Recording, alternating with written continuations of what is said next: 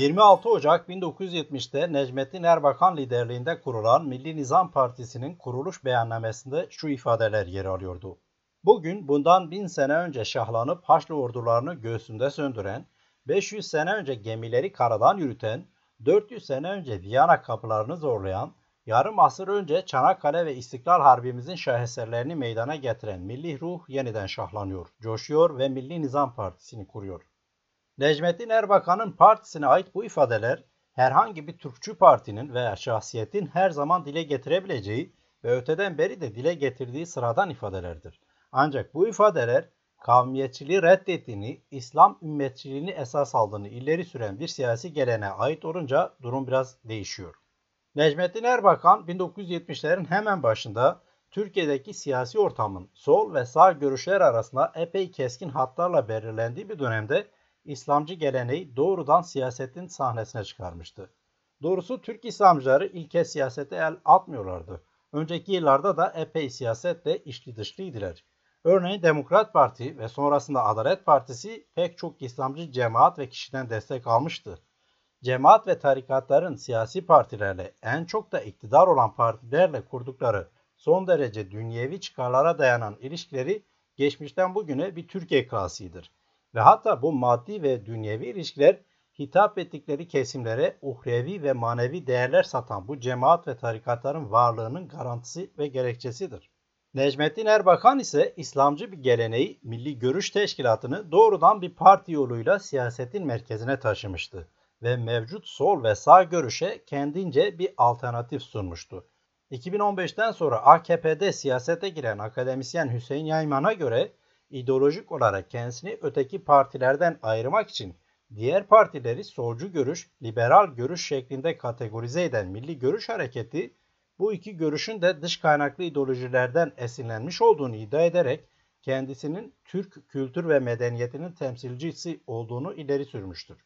İlk partisinin kuruluş beyannamesinde millilik vurgusunu özellikle öne çıkaran, temsil ettiği İslamcı hareketi milli olarak nitelendiren Erbakan ve devamcılarının haliyle Hüseyin Yayman'ın belirttiği gibi sağ görüşle sorunları yoktu. Zaten kendileri sağcıydılar ve alternatif oldukları ise dış kaynaklı olduğunu ileri sürdükleri sol ve liberal görüştü.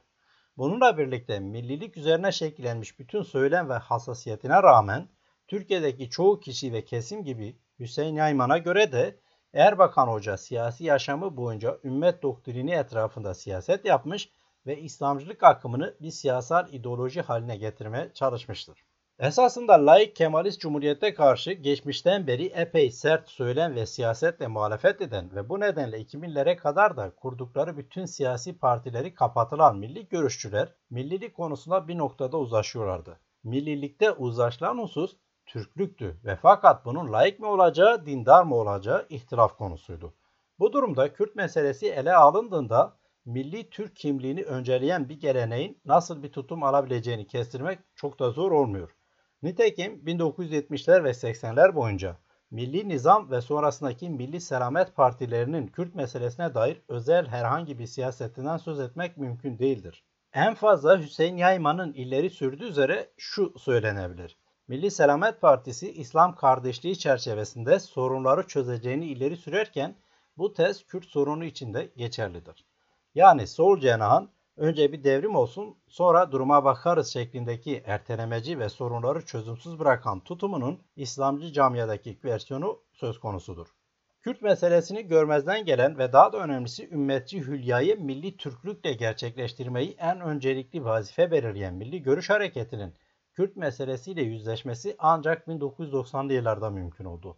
Daha doğrusu 1990'lı yıllarla birlikte hiç kimsenin kaçınamayacağı biçimde gündemin en önemli konusu haline gelmiş olan Kürt meselesini Milli Görüş Hareketi de görmek zorundaydı.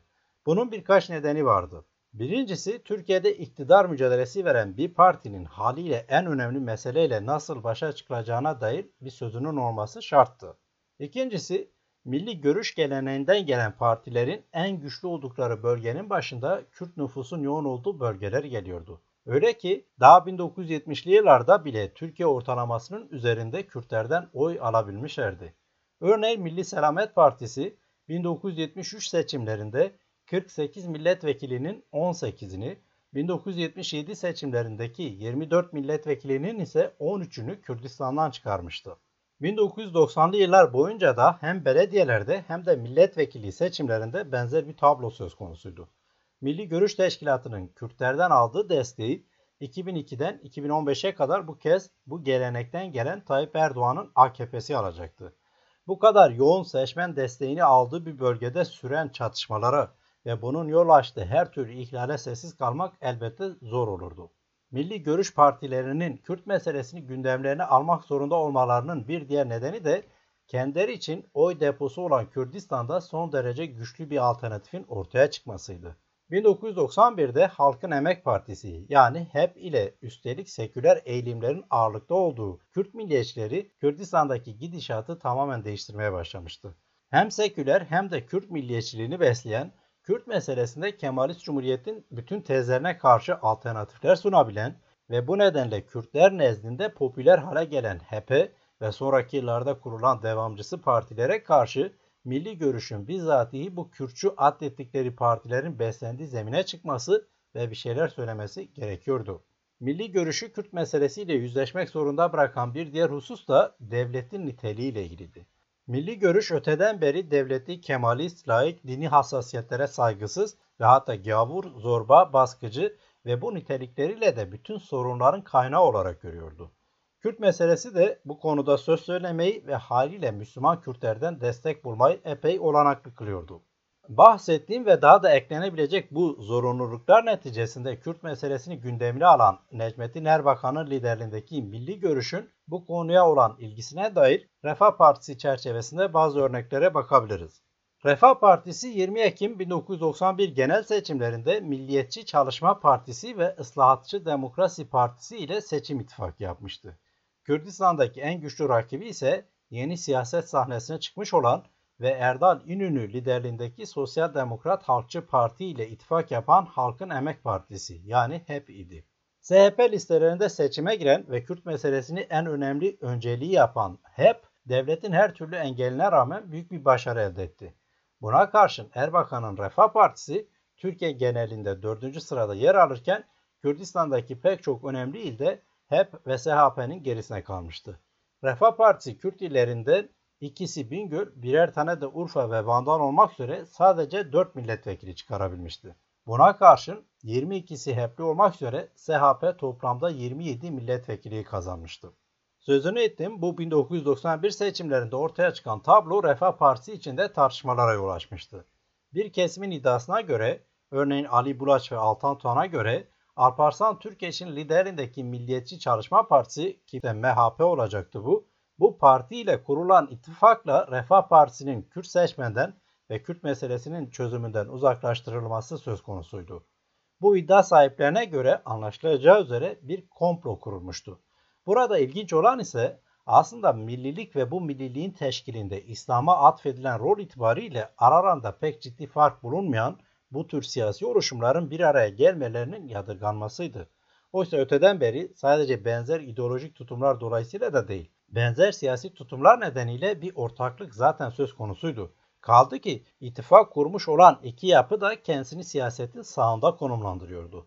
Örneğin 1960'larda ve 70'lerde komünizme karşı mücadele adı altında Türk ve İslam mücadelesi verdiklerini ileri süren bu yapıların yolları pek çok kez kesişmişti. Dolayısıyla ortada bir komplodan söz etmek için herhangi bir neden yoktu.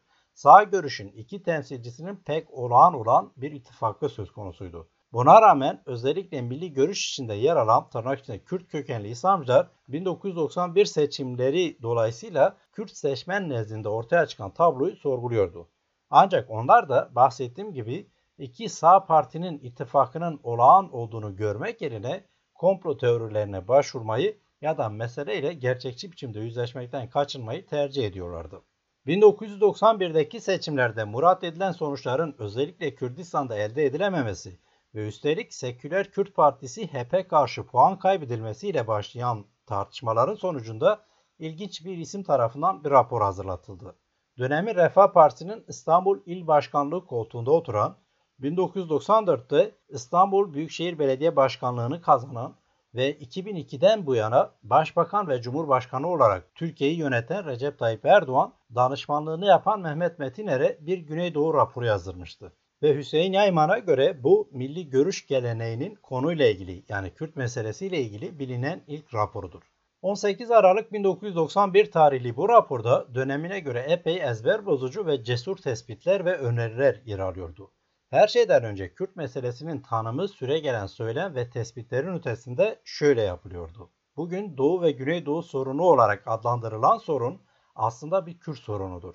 Sorun gerçekte ulusal bir sorundur. Yani bir Kürt sorunudur. Bugün Doğu ve Güneydoğu olarak adlandırılan bölgeler tarihin en eski devirlerinde Kürdistan olarak adlandırılan coğrafyanın içinde yer alan bölgelerdir. Kürtlerin konuştuğu dil olan Kürtçe, Türkçe ile ilgisi olmayan müstakil bir dildir.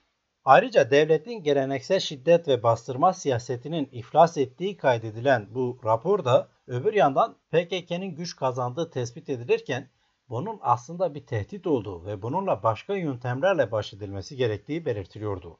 Sistematik ve bütünlüklü bir parti programını ifade etmeyen ve zaten Refah Partisi'nin 1991 genel seçimlerinde Milliyetçi Çalışma Partisi ile yaptığı ittifakın Kürdistan'da yarattığı kaybın telafisi için hazırlanan bu raporda tam demokrasi ve kültürel çoğulculuk temelinde meselenin çözümünün mümkün olabileceği savunuluyordu.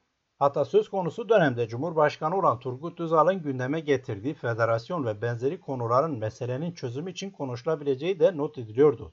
Kürtlerin çoğunluğunun Türkiye'den kopmak istemediği iddia edilen raporda Refah Partisi'nin yeni bir Kürt siyasetine ihtiyacı olduğu belirtilirken bunun için bazı öneriler de sunuluyordu.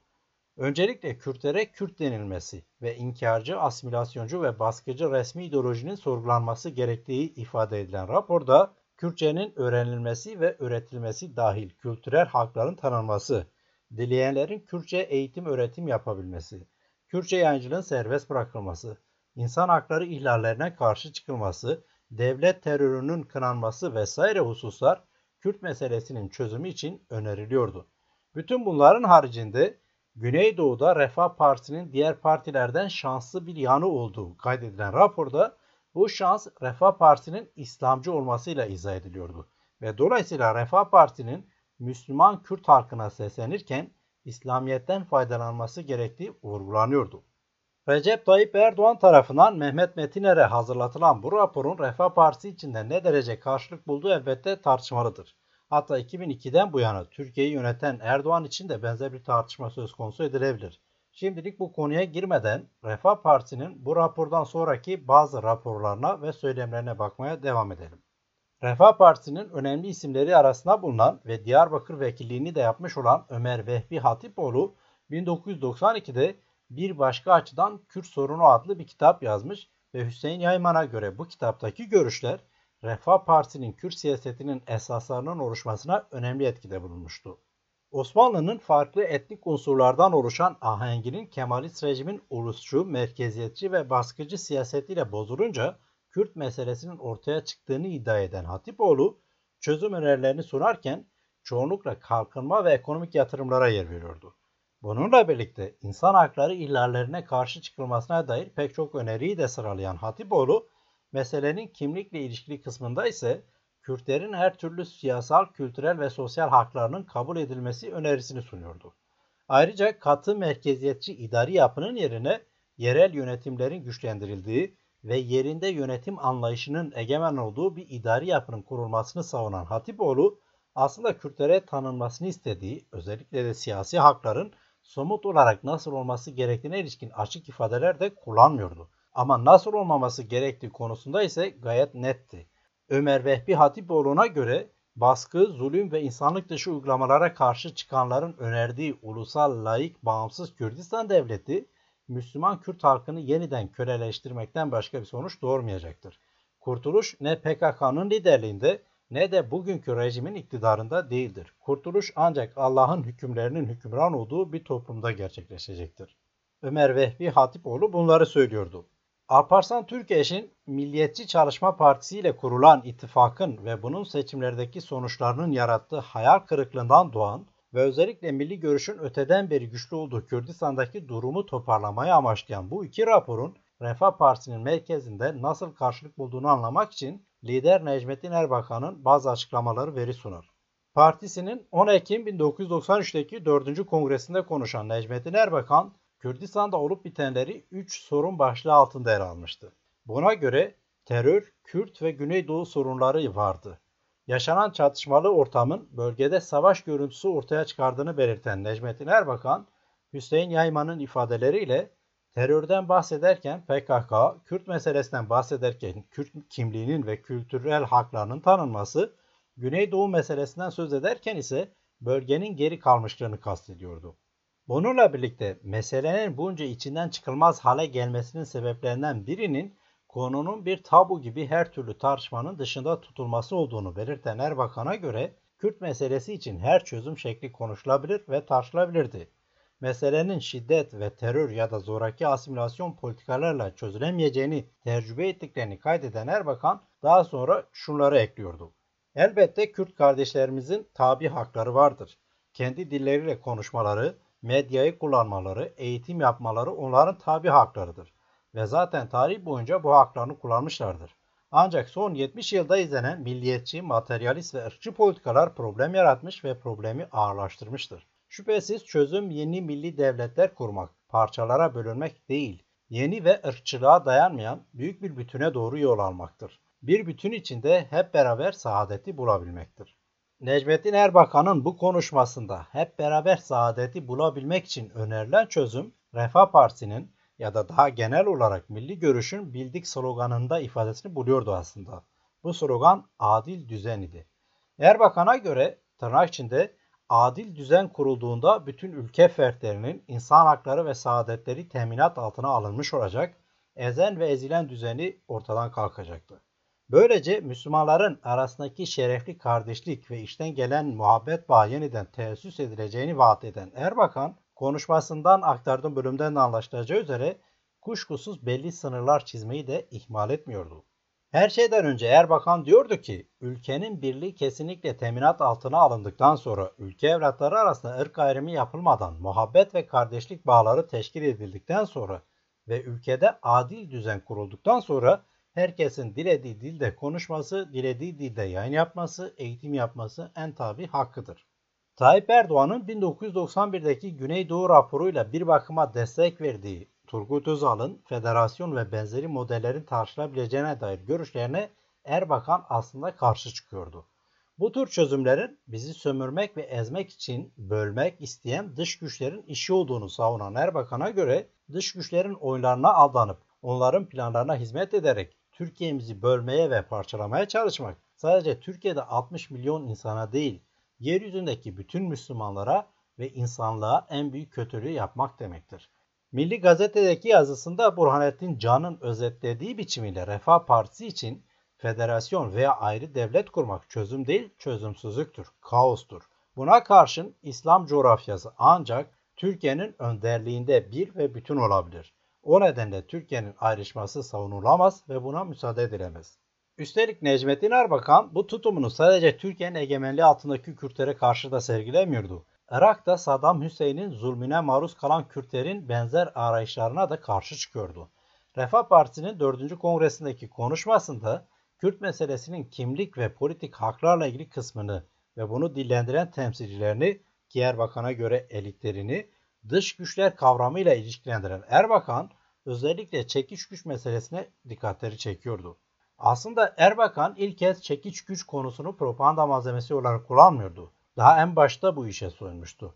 Örneğin 26 Aralık 1991'de mecliste Kürt meselesiyle ilgili konuşan Erbakan uzun uzadıya Kürt meselesinin nasıl bir yapay gündem olduğunu, bunun Osmanlı gibi Türkiye'yi zayıflatmak ve bölmek isteyen dış güçlerin işi olduğunu anlatmıştı. Sık sık antisemitist ve ırkçı bir söylem çerçevesinde Yahudilik ve İsrail'e değinen Erbakan, en çok da Kürt meselesi olarak dayatılan gündemin Siyonistlerin işi olduğunu ileri sürmüştü. Erbakan'a göre böylece Müslümanların birbirlerine kırdırılmasıyla hem ümmet hem de Türkiye parçalanmaya, bölünmeye çalışıyordu. Kendi ifadeleriyle aktaracak olursam Amerika'nın, İngiltere'nin ve elbette Siyonistlerin Kürt meselesiyle ilgilenmeleri esasında Büyük İsrail'i kurmak ve bu nedenle Türkiye'yi bölmek amaçlıydı. 1970'li yıllarda komünizm aracılığıyla yapılmak istenenin 1990'lara gelindiğinde bu kez de Kürtçülük üzerinden yapılmaya çalışıldığını ve işi yönetenlerin Siyonistler ile emperyalistler olduğunu iddia eden Erbakan, böylece sözüm ona karşı olduğunu ileri sürdüğü laik devletin klasik söylemini tekrarlıyordu. Erbakan da Kürt meselesini gerçekte olmayan ve fakat dış güçlerin Türkiye'yi bölmek için ortaya çıkardığı bir mesele olarak dillendiriyordu. Ve bu söylem çerçevesinde Kürtlerin hak ve özgürlük mücadelesini değersizleştirip terörize eden Erbakan, öbür yandan Kürt ırkından olan Müslüman kardeşlerine hitap etmeyi de elbette ihmal etmiyordu ve onlardan bu dış güçlerin oylarına aldanmamalarını istiyordu. Necmettin Erbakan'ın bambaşka anlamlar yükleyip Kürtlerle ilişkilendirdiği çekiç güç ise 1991'deki Körfez Savaşı'ndan sonra Amerika Birleşik Devletleri öncülüğündeki uluslararası koalisyonun başta Kürtler olmak üzere Saddam Hüseyin'in zulmüne maruz kalan muhalifleri korumak için Türkiye'de de konuşlandırdığı operasyonel bir güçtü. Anlaşılacağı üzere Türkiye'de 1996'ya kadar resmen ve fiilen devam eden bu operasyonun bir parçasıydı. 1987-1988'de Halepçe dahil pek çok Kürdistan kentinde Enfal soykırım hareketi gerçekleştiren ve en az 180 bin Kürdü kimyasal silahlar dahil her türlü vahşi yöntemle katleden Saddam Hüseyin'i lanetlemek yerine Necmettin Erbakan ısrarla çekiş güce karşı çıkıyor ve bunu İslam dünyasına yönelik operasyonun bir parçası olarak sayıyordu. Bu anlamda Müslüman Kürtlerin maruz kaldığı soykırım bile önemsizleştirilip görmezden gelinirken tırnak içinde gavur devletleri temsilen dış güçlerin ve onların gücü olarak çekiç gücün İslamcı siyaseti propaganda ederek iktidara yürüyen Erbakan için epey elverişli bir malzeme olduğu açıktı. Ki Erbakan 1996'da hükümet ortağı olarak iktidara geldiğinde çekiç güç hakkındaki görüşlerinden çark etmiş ve hatta ilk vazifemiz çekiç güçle ilgili olarak kahraman ordumuzun kıymetli komutanlarının fikirlerini dinleyeceğiz. Biz hükümet olarak bütün bu bilgilerin ışığı altında ne yapılması gerekirse onu yapacağız demişti. Nitekim Erbakan çekiç gücün Türkiye'deki görev süresini 5 aylığına uzatan karara da imza atmıştı. Bu vesileyle yeniden tekrarlayacak olursam Kürt meselesi dolayısıyla sık sık dış güçleri gündeme getiren Necmettin Erbakan, böylece karşı olduğunu ileri sürdüğü laik cumhuriyetin kadim bir Kürt söylemini tekrarlıyordu. Nitekim Kürtlerin federasyon veya benzeri idari ve siyasi hak talepleri için giriştikleri mücadeleyi Erbakan da küçümsüyor, değersizleştiriyordu. Zavallı Kürt'ün aklının eremeyeceği ve dolayısıyla ancak dış güçlerin planlayıp hayata geçirebileceği bir proje olarak değerlendiriyordu. Öte yandan Erbakan bu anlatısına İslamcı söylem ve siyasetinde sıklıkla ürettiği Yahudi düşmanlığını eklemeyi de ihmal etmiyordu. Yani açık açık aslında antisemitist bir ırkçı söylem kurguluyordu. Erbakan'a göre Kuzey Irak'ta kurulmak istenen federasyon 2. İsrail projesiydi. Bir anekdot olarak eklemekte fayda var. Erbakan'ın 1990'lı yılların ilk yarısında epey diline dolandırdığı bu propaganda türü aynı zamanda sözüm ona karşıtı olan siyasetçilerin de anlatısıydı. Özellikle 2000'li yıllarda ve hatta günümüzde bu anlatı Kemalist ulusalcılar ile Müslüman Türkçülerin Kürt karşıtı siyasetinin ortak paydalarından biridir. Hal böyleyken Erbakan'ın İslamcı siyasetiyle Kürtler arasında bir ayrılık yaratmaya ve bu şekilde etkili olmaya çalıştığını da eklemek gerekecektir.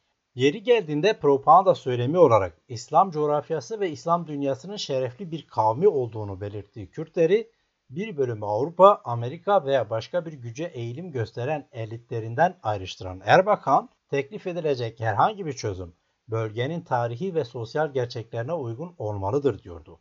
Böylece anlaşılacağı üzere Erbakan Kürt tabanına seslenirken onları İslam dünyasının şerefli bir kavmi olarak yanında tutmaya çalışıyordu. Ama bu şerefli kavmin temsilcilerini ise dış güçlerin piyonu olarak konumlandırmayı tercih ediyordu. Kürt meselesinde bu tür ırkçı bir söylem kurgulayan Erbakan bu nedenle olası bölgesel her çözümün İslam faktörünü göz önüne almadan tasarlanamayacağını vurgulayarak meselenin çözüm yolunu da şöyle öneriyordu. Biz kardeşler arasında tesis edilecek hukuki eşitlik ve işbirliğinin Kürt meselesinde tatminkar bir çözüm üreteceğini ve bunun bölgenin iktisadi, beşeri ve sosyal entegrasyonu yolunda önemli bir adım teşkil edeceğini düşünüyoruz. Böylece Kürtleri Müslüman ve milli kimlikleri çerçevesinde bir tercihle baş başa bırakan Erbakan, Kürt olmaktan kaynaklanan idari ve siyasi çözüm taleplerini İslam karşıtlığıyla özdeşleştirerek esasında Kürtleri kısmi kültürel haklarla sınırlandırılmış kendi İslami çözümüne ya da adil düzenine zorluyordu. Ki bu haklar da ancak adil düzen inşa edildiğinde mümkün olabilirdi. Yani hele bir devrim olsun sonrasına bakarız hikayesi bu türden de yeniden tekrarlanıyordu. Erbakan Kürt meselesiyle ilgili ele alınabilecek dikkate değer bir diğer açıklamasını ise 1994'teki yerel seçimler öncesinde Bingöl'de yapmıştı. Şöyle demişti Erbakan. Ülkenin evlatları asırlar boyu mektebe başlarken besmele ile başladı halde siz geldiniz bu besmeleyi kaldırdınız. Ne koydunuz yerine? Türk'üm, doğruyum, çalışkanım.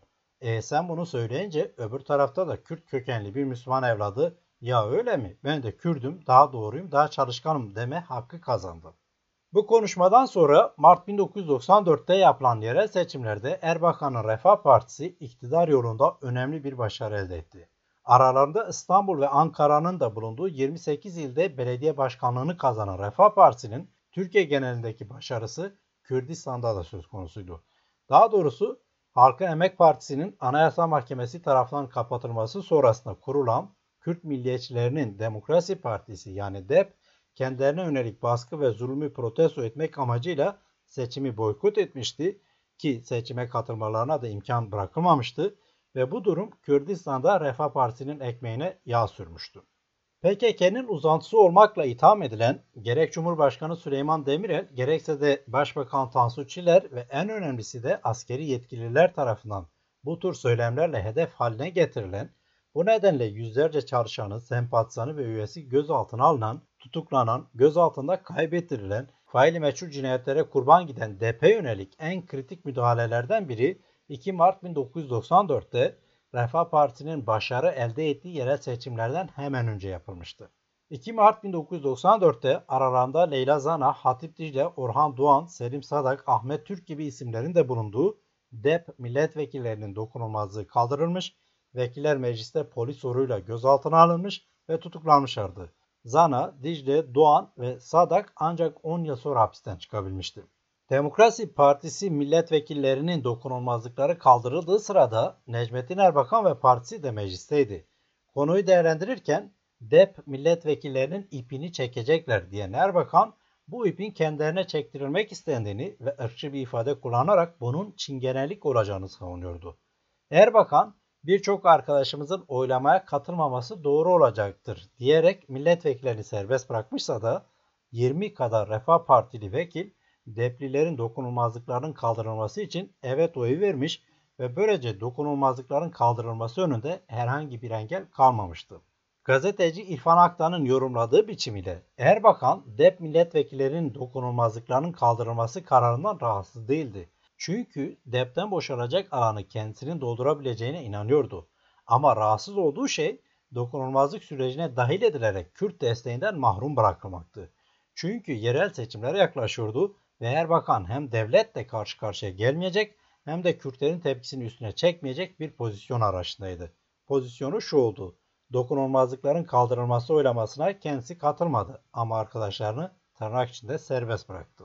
Ve bu serbest bırakılanlardan 20'sinin e, evet oyu deplerin dokunulmazlıkların kaldırılması için de yeterliydi. Milli Görüş Hareketi'nin iktidar yolunda önemli bir dönemi ifade eden 1994 yerel seçimlerinden sonra bu kez sıra genel seçimlerdeydi. Aralık 1995'te yapılan genel seçimlerde Refah Partisi bu kez %21'in üzerinde oy alarak birinci parti oldu ve bu oyların önemli bir kısmı Kürt illerinden gelmişti. Kürt milliyetçileri Anayasa Mahkemesi tarafından kapatılan DEP'in yerine HADEP'le seçime girmişti. Diyarbakır, Van, Hakkari ve Batman'da birinci çıkmıştık ki bu ileride ikinci parti Refah Partisi'ydi. Kürdistan'ın pek çok ilinde ise durum tersineydi ve çoğunlukla Erbakan'ın partisi birinciydi. Elbette HADEP öncülü diğer partiler gibi devletin baskılarından yeterince nasibini almıştı ve dolayısıyla adil bir seçimin yapıldığı iddia bile edilemez. Ancak resmi tablo böyleydi ve ayrıca Refah Partisi'nde temsil edilen İslamcı siyasetin Kürdistan'daki etkisi de küçümsenemez veya görmezden gelinemez. 1995'teki seçimin ardından koalisyon hükümeti kurulmak zorundaydı ve herhangi bir siyasi parti ilk etapta birinci olan Refah'la işbirliğine yanaşmamıştı. Ancak Haziran 1996'ya gelindiğinde Tansu Çiller'in Doğru Yol Partisi ile Necmettin Erbakan'ın Refah Partisi koalisyon hükümeti kurdu. Bu koalisyon hükümetinin ömrü çok uzun olmadı. 28 Şubat 1997'deki kimi yorumlara göre postmodern darbe olan askeri müdahalenin ardından Erbakan istifaya zorlandı ve 1998'de de Refah Anayasa Mahkemesi tarafından kapatılan Necmettin Erbakan'ın 3. partisi oldu. Ardından kurduğu Fazilet Partisi de 2001'de kapatıldı ve bu sırada partinin önemli kadroları ayrılarak Recep Tayyip Erdoğan liderliğinde Adalet ve Kalkınma Partisi'ni kurdu. Böylece milli görüşün o dönemde Erdoğan'ın ifade ettiğine uygun biçimde söyleyecek olursam gömlek değiştirmiş haldeki iktidarı yeni bir mecraya taşınmış oldu. Bu özeti de yaptıktan sonra Refah Partisi'nin Kürt söylemi ve siyasetine dair bazı analizleri daha bütünlüklü biçimde yapmak mümkün olacaktır. İktidara adım adım yürürken Refah Partisi'nin Kürt söylem ve siyasetinde de değişimler olmaya başlamıştır. Bu değişiklik örneğin en başta dikkat çektiğim 1991'deki Erdoğan'ın raporundaki iddiaların aksi yönündedir. Ki bu raporun pek de esas alınmadığını verili biçimde ortaya koymaya çalıştım. 1993'te ve sonraki yıllarda hazırlanan bazı raporlara ve söz konusu dönemde yapılan bazı açıklamalara bakıldığında Refah Partisi'nin geleneksel devlet siyasetini eleştirmeye devam ettiği görülmekle birlikte bu eleştirilerin örneğin 1991'de ifade edildiği biçimiyle Kürt meselesi ve bunun çözümü dolayısıyla yapılmadığı da anlaşılıyordu. Devletin kötü yönetiminin Doğu ve Güneydoğu'da terörün büyümesine yaptığı etki eleştirilirken buna karşın nasıl mücadele edilmesi gerektiğine dair çözüm önerileri sıralanıyordu. Ancak bu çözümler 1991'deki raporda belirtilen çözümlerden epey uzaktır. Ve örneğin daha profesyonel askerlerin bölgeye gönderilmesi, askeri teçhizatın yenilenmesi, ekonomik yatırımların yapılması vesaireye dair öneriler daha belirgindir. Arada da çok belirgin olmamakla birlikte Kürtlerin kültürel haklarının tanınmasına da değiniliyordu. Refah Partisi'nin Kürt meselesini gündeminin bir maddesi haline getirmesi bu meseleye dair özgün bir projesinin ya da düşüncesinin olması ile ilgili değildir. Dönemin sıcak çatışma koşulları ve bu meselenin zaten ülkenin en önemli meselesi olması Refah Partisi'ni de bu meseleyi gündemine almasını zorunlu kılmıştır. Refah Partisi için esas sorun laik Kemalist devlettir. Kürt meselesi zaman zaman milli bir mesele olarak ifade edilmişse de hiçbir zaman bu biçimiyle parti söylemi ve siyasetinin konusu olmamıştır. Refah Partisi'ne göre rejim değiştikten sonra yani İslami görüş veya milli görüş iktidara geldikten sonra ya da bunların ifade ettiği biçimiyle adi düzen tesis edildikten sonra laik baskıcı Kemalist rejimden kaynaklanan bütün diğer meseleler gibi Kürt meselesi de kendiliğinden çözülecektir. Bununla birlikte Refah Partisi yetkililerinin zaman zaman ezber bozan ve dönemine göre epey cesur olan açıklamaları da olmuştur. Ancak özellikle 1990'lı yıllar boyunca bakıldığında bu açıklamaların net bir parti programı ve söylemi dolayısıyla dile gelmediği de açıktır. Aynı şekilde zaman zaman gündeme oturan Kürt meselesiyle ilgili bu açıklamaların konjüktürel ve seçmeni kazanmaya yönelik pragmatist nitelikte olduğu belirtilebilir. Daha da önemlisi adım adım iktidara doğru yol alırken milli görüş yetkililerinin örneğin 1990'ların ilk yıllarındaki açıklamalarından, siyasetlerinden veya raporlarındaki görüşlerden gittikçe uzaklaştıkları da görülebiliyor. En nihayetinde Refah Partisi'nin Kürt meselesi için önerileri bazı açılardan askeri yöntemlerde yenilenmeye gidilmesi, ekonomik yatırımların ve kalkınma hamlesinin gerçekleştirilmesi ve bu arada bazı kültürel hakların da tanınması biçimde özetlenebilir. Refah Partisi için de Doğu ve Güneydoğu'daki Kürtlerin bazı kimlik sorunları olmakla birlikte esas mesele terör meselesidir. Refah Partisi İslamcı kimliğini mümkün mertebe Kürt meselesinde kullanmaya çalışmıştır ve Kürdistan'da uzun yıllar boyunca aldığı oylara bakıldığında önemli oranda İslamiyet'ten ve din kardeşliği propagandasından faydalandığı açıktır. İslamcılığı Kürt seçmen nezdinde kullanışlı bir aparat olarak devreye koyan Refah Partisi bir tür tırnak içinde ortak düşman olarak Kürtlere de zulüm eden baskıcı laik Kemalist rejimi olabildiğince sert eleştirerek bu rejim tarafından her biçimde hırpalanmış olan Kürt seçmenin duygularına hitap etmiş ve önemli bir karşılık da bulmuştur. Kürtlerin Erbakan ve partisine yönelik ilgisini ise şöyle açıklamak mümkündür. Birincisi Kürtlerin ekseriyeti Müslümandır ve haliyle İslam söylemiyle öne çıkan bir partiye ilgi duymaları son derece olağandır. İkincisi bu İslamcı parti laik Kemalist partilere karşıydı ve söylemini de bunun üzerine inşa ediyordu. Bu nedenle de parti kapatmaları gibi pek çok kere mağduriyet de yaşamıştı. Bu da laik cumhuriyetin mağduru olan Kürtleri cezbeden bir başka unsurdu.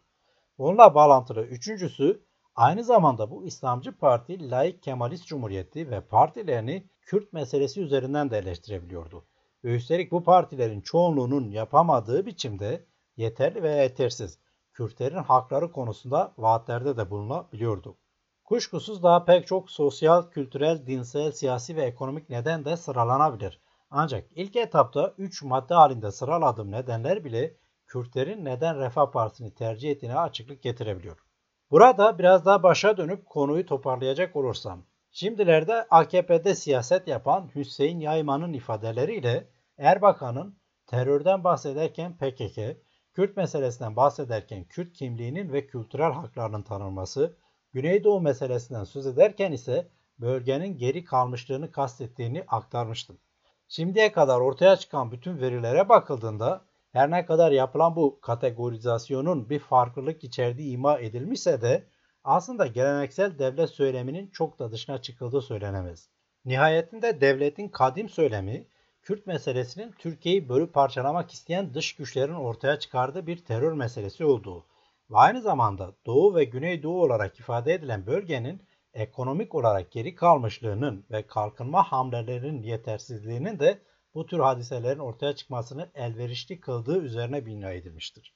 Necmettin Erbakan, devletin bu resmi söylemini çeşitli biçimlerde tekrarlamakla birlikte 1990'lı yıllarda artık şişeye sokulamayan Kürt cinine karşı Turgut Özal ile başlayan yeni bazı söylemleri de üstelik çok daha etkisiz biçimde dillendirmiştir. Her ne kadar İslami rejimin tam anlamıyla tesis edilmesi anlamında adil düzenin kurulmasından veya İslami devrimin yapılmasından sonra ertelenmişse de Kürtlere bazı kültürel hakların verilmesi gerektiğine dair vaatler Özal'ın çabalarından ve açıklamalarından çok daha ileri sayılamaz. Öbür yandan idari ve siyasi çözüm yöntemi olarak Turgut Özal federasyon ve benzeri modelleri dilendirmişken Erbakan kesin biçimde bunlara karşı çıkmıştı. Erbakan'ın gerekçesi görünürde İslam ümmeti ile ilgiliydi. Ona göre Kürtlere tanınacak herhangi bir siyasi ve idari hak Türkiye'nin dolayısıyla İslam ümmetinin bütünlüğüne zarar verecekti. Böylece Erbakan Türkiye'ye ve Türk milletine İslam ümmetinin liderliği rolünü verirken karşı çıktığını ileri sürdüğü kavmiyetçiliği Türkçülükle yeniden üretiyordu ve böylece İslam'ı Türkçülüğe, Türkçülüğü de İslam'a özdeş hale getiriyordu. Bu durumda İslam'ın liderliğine layık görülen Türkler her türlü kavmi hakkını kullanmakta özgür iken Türk'ün liderliğindeki İslam ümmetinin bir alt kavmi olarak Kürtler ancak ve ancak bu bütünlüğe halel getirmeyecek düzeyde kısmi bazı kültürel haklara layık görülüyordu. Hatta siyaseten zirveden düştüğü zamanlarda Erbakan için kültürel haklar bile fazlaydı. Nitekim Kürtçe konuşacaklardan olacak bırakın böyle şeylerle uğraşmayı diyordu. Ve Erbakan'ın adil düzeni işte Kürt'e söz konusu olunca böyle bir şeydi.